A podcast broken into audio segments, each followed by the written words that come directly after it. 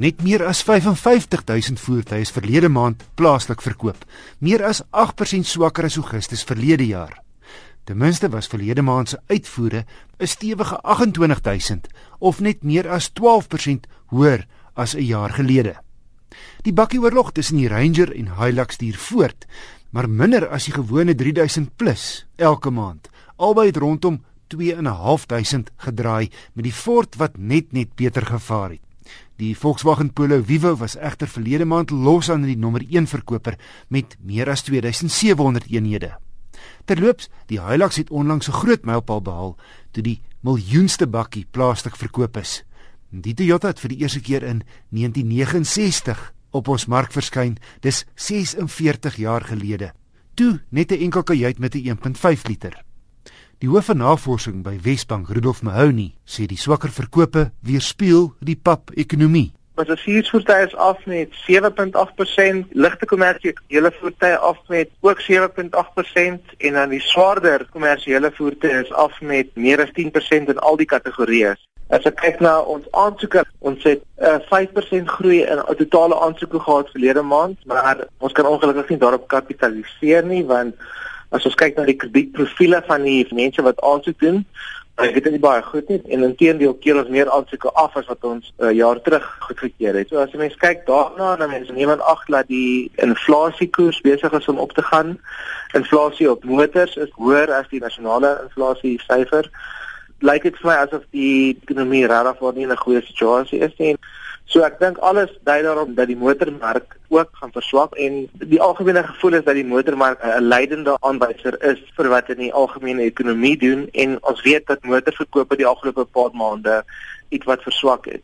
Wat plaas die verbruiker onder druk? Dis die huishoudelike skuldvlakke wat hoog is. Ek dink 80% is die persentasie skuld tot inkomste dat die verswakking in die rand So alles se druk op die besteedbare inkomste van ons kliënte. Wat van tweedehandse voertuie? Dink jy daar sal daar nou 'n oplewing wees? Ja, die afgelope paar maande het ons duidelik gesien dat daar 'n beweging is van die nuwe na die gebruikte mark. Daar was ook groei gewees in aansoeke op gebruikte voertuie. Ek dink daai tendens sal volhou. Ons sien in ons syfers dat die vervangingsperiode is min of meer 36 maande die besluit is dan net wil die kliënt 'n nuwe of 'n gebruikte voertuig koop. Verwag jy dat die prentjie sal verander in die komende maand? Nee glad nie. As rentekoerse verder opgestoot gaan word, dan gaan dit 'n groter impak op mark hê. Ek dink ons is in vir 'n moeilike 6 of 7 maande in die motormark. Hoopelik hierso teen die einde van volgende jaar sal dinge begin verbeter, maar dit hang maar af wat die ekonomie doen. Dus is ek nie positief oor die mark op hierdie stadium nie. Rudolf Mahoney van Wesbank Hy het met Mitsi van der Merwe gepraat. Ek beskou die Golf as die beste in sy klas. En dis my gevolgtrekking nadat ek die sewende generasie eers in TSI en toe in die rasendsnelle R gewaad getoets het. Al kritiek is dat die pakplek aan die knap kant is. Nou het Volkswagen die Golf SV model bekend gestel. In sommige markte die sportswan genoem, maar Volkswagen reken in sekere lande soos Suid-Afrika ontlok die term van dalk nie die regte assosiasie nie. So net SV hier by ons. Met 'n langer asafstand is hy meer as 8 cm langer as die gewone Golf lykrig, effens hoër en 'n knerts breër. En Volkswagen het die Golf SV kom aflewer net mooi 'n dag voordat ons gesin van 5 'n week met vakansie suidkus toe vertrek. Met die oopmaak agter het ek eintlik meer pakplek verwag. sien 5 mense se bagasie moet in. Gelukkig toe ek die vloerdeksel opslaan, besef ek hier kan nog 'n hele paar klomp kleiner goed inpas om die volgrootte alloy spaarwiel. Ook binne die wiel. So ons het net net alles ingepas gekry, iets wat net eenvoudig nie moontlik sou wees met die gewone luikerig nie. Wat ook help as jy meer pakplek nodig het, die agterste sitplekke kan 1/3 of 2/3 'n volle 18 cm vorentoe skuif.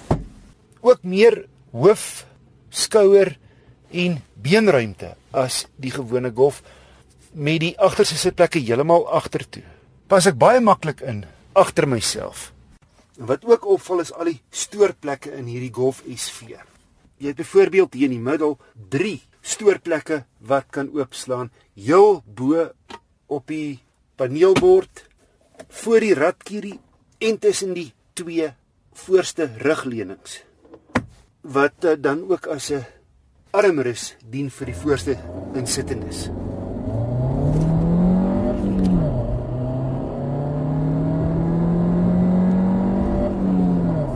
92 kW 1.4 turbo petrol is lewendig en loop seepglad. Die masjien het die talle gedigte opdraandes in KwaZulu-Natal moeiteloos plat gedraf. En met 200 Nm wrinkrag van 'n verlaat 1400 toere was dit nie nodig om gereeld ratte te wissel nie. Teen aangeduide 120 'n rustige 2500 toere. Met die afrit was die verbruik 'n uitstekende 5,7 liter per 100 km. Soos verwag, na die kort ritte by die see en die terugpad na ons Johannesburgse huis wat 1640 meter bo seevlak staan, het die gemiddelde verbruik steeds op 'n baie goeie 6,5 gestaan. Die lekkerste was om roomys te eet, lekker in die see te speel en sandkastele te bou. Dit was baie lekker by die see. Dit was nie so lekker toe ek seer gekry het en ek het jammer gekry vir die vleermuis. En ons het 'n aap gesien met sy stert was afgesny. Goed, so die kinders het niks oor die kar te sê nie, maar ek vermoed dis omdat niks hulle gepla het nie. Ek weet wel dat hulle die opslaanbare skinkbordtafels waardeer het. 'n Paar dinge het bygedra om die lang pad kaf te draf. Gerieflike sitplekke en jy sit hoër as in die gewone golf. Tog beheer 'n topgehalte binneruim en 'n baie gerieflike rit. Die Golf SV TSI Comfortline 6-spoed handrat teen R325200 het my rondom beïndruk. Dieselfde wenresep as die gewone Golf lykerig plus 'n eienskap wat gesinne hoog op die prys stel, meer spasie 'n 500 liter kattebak teenoor die Golf lykerig se 380. Dit het vanoggend aanhoudend gesous hier in Gauteng, maar op pad werk het dit my opgeval dat heelwat voertuie nie hulle ligte aan het nie. Hier is my wenk van die week. Skakel jou ligte aan as dit reën. Jy's net soveel meer sigbaar. Trouwens, dis wet vir die wat nie weet nie. En verminder spoed. Waterdam op wat die paaie net soveel gevaarliker maak.